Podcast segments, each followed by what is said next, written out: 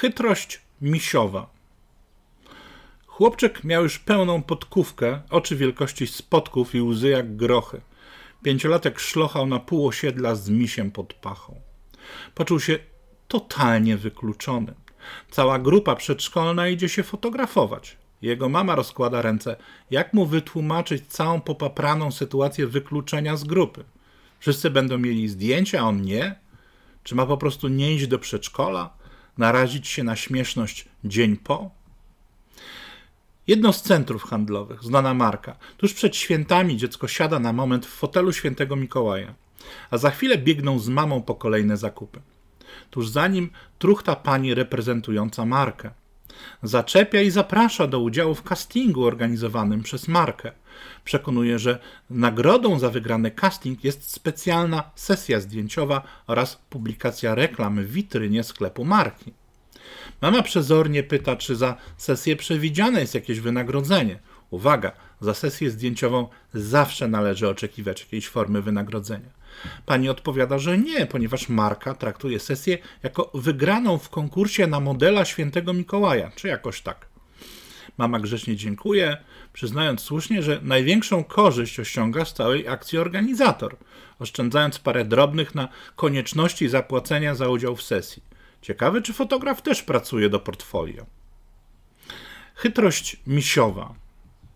Teoretycznie temat nie wart byłby uwagi, ale mama za pewien czas otrzymuje mail, w którym jest informowana przez wychowawczynię, że dzieci idą w sposób zorganizowany do sklepu marki. Celem są warsztaty stworzenia pluszaków, oczywiście darmowe, Ach, cóż za zaszczyt trafił dzieciaki. Podczas zajęć cała grupa stworzy jedną maskotkę, którą zabiorą do przedszkola. Podczas wizyty i zajęć specjalnie oddelegowany fotograf będzie robił zdjęcia. Mama przezornie zapytała, czy przedszkole podpisywało zgodę na wykorzystanie wizerunku dzieci. Jeśli tak, to w jakich kanałach dystrybucji wizerunek będzie eksploatowany. Dla przypomnienia, zgoda na użyczenie wizerunku to taki dokument napisany prawniczym żargonem, drobnym maczkiem, który czytasz 5 minut, próbujesz zrozumieć. Jak podpiszesz, dziennikarz nagra z tobą 10 minut setki, a potem puszczą jedno zdanie. W każdym razie przedszkole odpowiedziało, że zapisując dzieci na wycieczkę, podpisało oświadczenie, że opiekunowie prawni dzieci wyrazili zgodę na utrwalenie wizerunku dzieci. W związku z tym oni wyrażają zgodę i tak dalej, i tak dalej. Innymi słowy, przedszkole, nie konsultując z rodzinami tematu wykorzystania wizerunku ich pociech, wykazało się albo skrajną naiwnością, albo chytrością. Sam już nie wiem. Mama, jako jedyna, napisała maila do przedszkola, że nie zgadza się na wykorzystywanie wizerunku dziecka i wykorzystania i wykonywanie zdjęć przez markę. Reszta rodziców, 24 osoby, nie wyraziła sprzeciwu.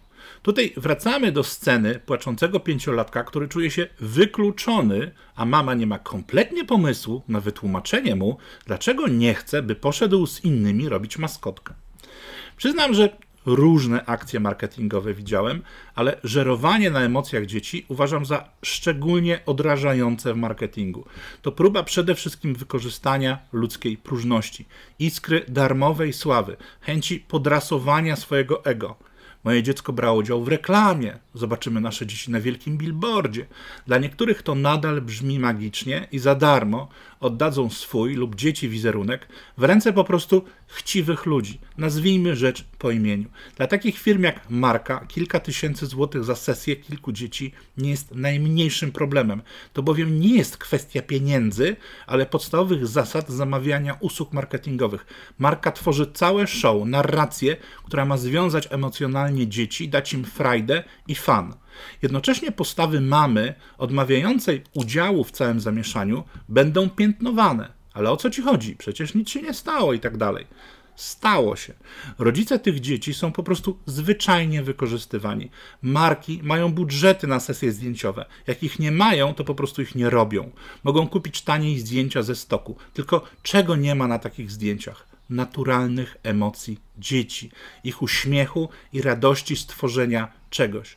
Każdy fotograf będzie szukał tych emocji, tylko to, co dla dzieci jest zabawą i frajdą, nie może zamydlać oczu ich rodzicom. Marki mają wynagradzać dzieciaki za pracę.